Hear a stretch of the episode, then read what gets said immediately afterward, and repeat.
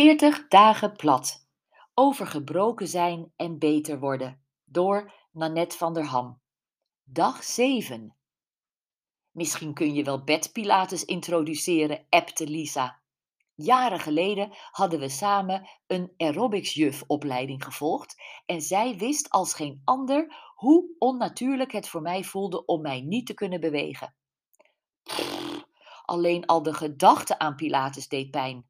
Maar de gedachte aan het feit dat er duizenden mensen waren die in bed lagen en er nooit meer uitkwamen, deed mij nog meer pijn.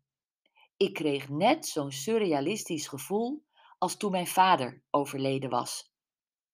Toen liep ik met een donkere zonnebril op straat en dacht ik: er moeten hier toch mensen lopen die net zoiets ergs hebben meegemaakt als ik. Hoe kan het dat zij nog functioneren? Hoe kunnen zij doorgaan? En nu dacht ik: ziekenhuizen, spoedeisende hulpposten, revalidatieoorden, brandwondencentra. Er zijn tig ernstige letselgevallen. Waarom hoor ik er niemand over? Hoe kan de wereld gewoon doordraaien? Ik houd het er maar op dat ik een naïef, lucky, blij eikeltje ben dat gewoon in haar leven niet vaak met grote tegenslagen te maken heeft gehad. Hmm, dat was misschien ook weer niet waar. In elk geval voelde ik mij wereldvreemd, vreemd in de wereld van pijnstillers en revalidatie.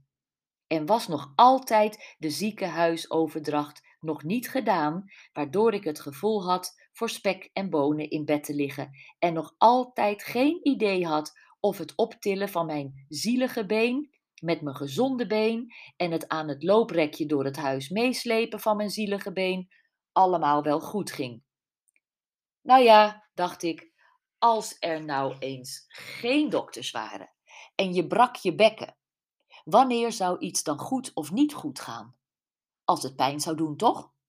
Dus propte ik mezelf op in de kussens van mijn bed en probeerde voorzichtig of ik mijn billen kon knijpen. Auw!